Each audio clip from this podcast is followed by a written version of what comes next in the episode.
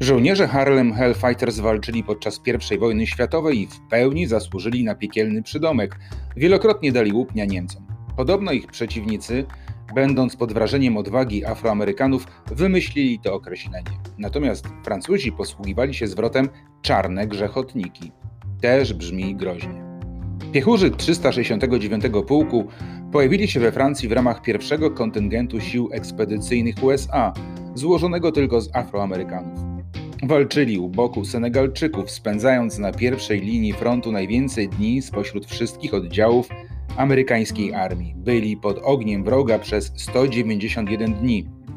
Legendarną postacią z ich szeregów jest szeregowiec Henry Johnson, przed wojną portier stacji kolejowej w mieście Albany. Zwano go Czarną Śmiercią.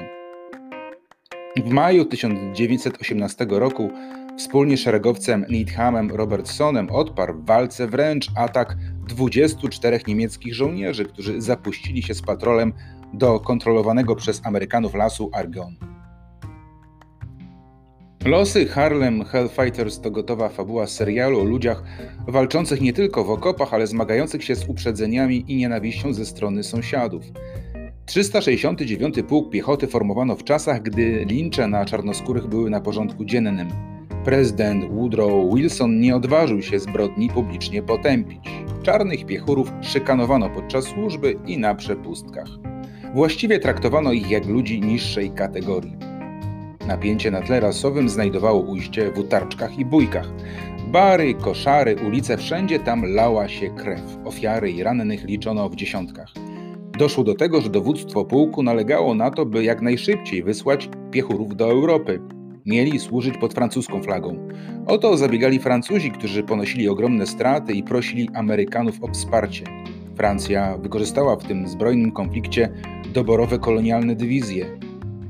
Piechurów z USA traktowano więc jak swoich. Zanim popłynęli do Europy, w 1917 roku żołnierzom 369 Pułku Piechoty odmówiono udziału w nowojorskiej paradzie. Dowództwo tłumaczyło, że emblematem dywizji Gwardii Narodowej Rainbow Division, w której skład wchodził pułk, jest tęcza, a w tęczy czerń nie występuje. Dwa lata później w glorii chwały Harlem Hellfighters maszerowali na czele parady wiwatowani przez tłumy nowojorczyków. Realia były jednak brutalne. Czarnoskórych żołnierzy traktowano źle, bez szacunku dla ich dokonań. Do dzisiaj w necie można znaleźć powielane bezkrytycznie bzdury, że Afroamerykanie służyli podczas I wojny światowej tylko w oddziałach pomocniczych. Kopali rowy, rozwozili prowiant i amunicję, grzebali zabitych. Wielu hellfighterów wyróżniano za ich zasługi wiele lat po ich śmierci. Nic w tej historii nie jest oczywiste. Formowanie pułku, w którym mieli służyć tylko czarni mieszkańcy Harlemu, szło jak po grudzie. Mężczyźni nie garnęli się do wojska i munduru. Sytuacja uległa zmianie, gdy do armii zaciągnął się James Rees Europe, słynny muzyk i multiinstrumentalista ragtime'owy. Grał i prowadził różne orkiestry, współpracując z solistą i kompozytorem Noble Sislan. Występowali w najlepszych klubach, domach i salonach. Goście wchodzili głównym wejściem, a oni atrakcja wieczoru drzwiami dla służby. Chory, chore czasy i chore, rasistowskie zwyczaje. Zaciągając się do wojska Rees Europe, argumentował, że tylko organizując się i działając Afryka, Afroamerykanie będą traktowani na równi z białymi. Widział w armii narzędzie walki o równouprawnienie. Cecil poszedł w jego ślady. Założyli pułkową orkiestrę, o której zrobiło się głośno. Podziałała jak magnes, przyciągając nowych rekrutów.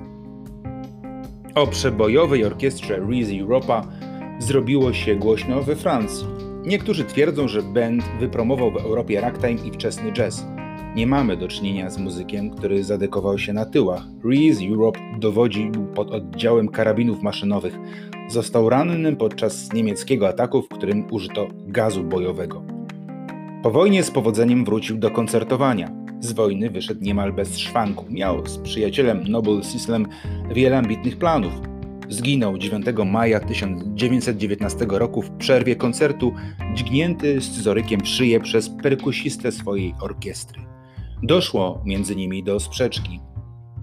Ranny Europe nakazał muzykom dokończyć występ. Wykrwawił się i zmarł w szpitalu. Losy Harlem Hellfighters mają potencjał na miarę tarantinowskiego Django Unchained.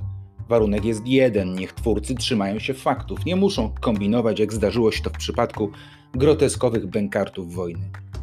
Ta historia ma wszystko, co trzeba. Wyrazistych bohaterów, brawurowych i rozkochanych w muzyce, słynną orkiestrę, dynamizm, dramatyzm wojennej zawieruchy oraz duszny klimat rasistowskiej Ameryki. Nasi bohaterowie powrócili z Europy na pewno odmienieni, może trochę silniejsi i bardziej dumni. Za to Ameryka w niewielkim stopniu zmieniła stosunek do nich. Zbyt próżna i ograniczona, by zrozumieć to, co się wydarzyło i tym samym, by docenić swoich bohaterów. Tą próżność widać także dzisiaj, w czasach, których symbolem jest hasło Black Lives Matter.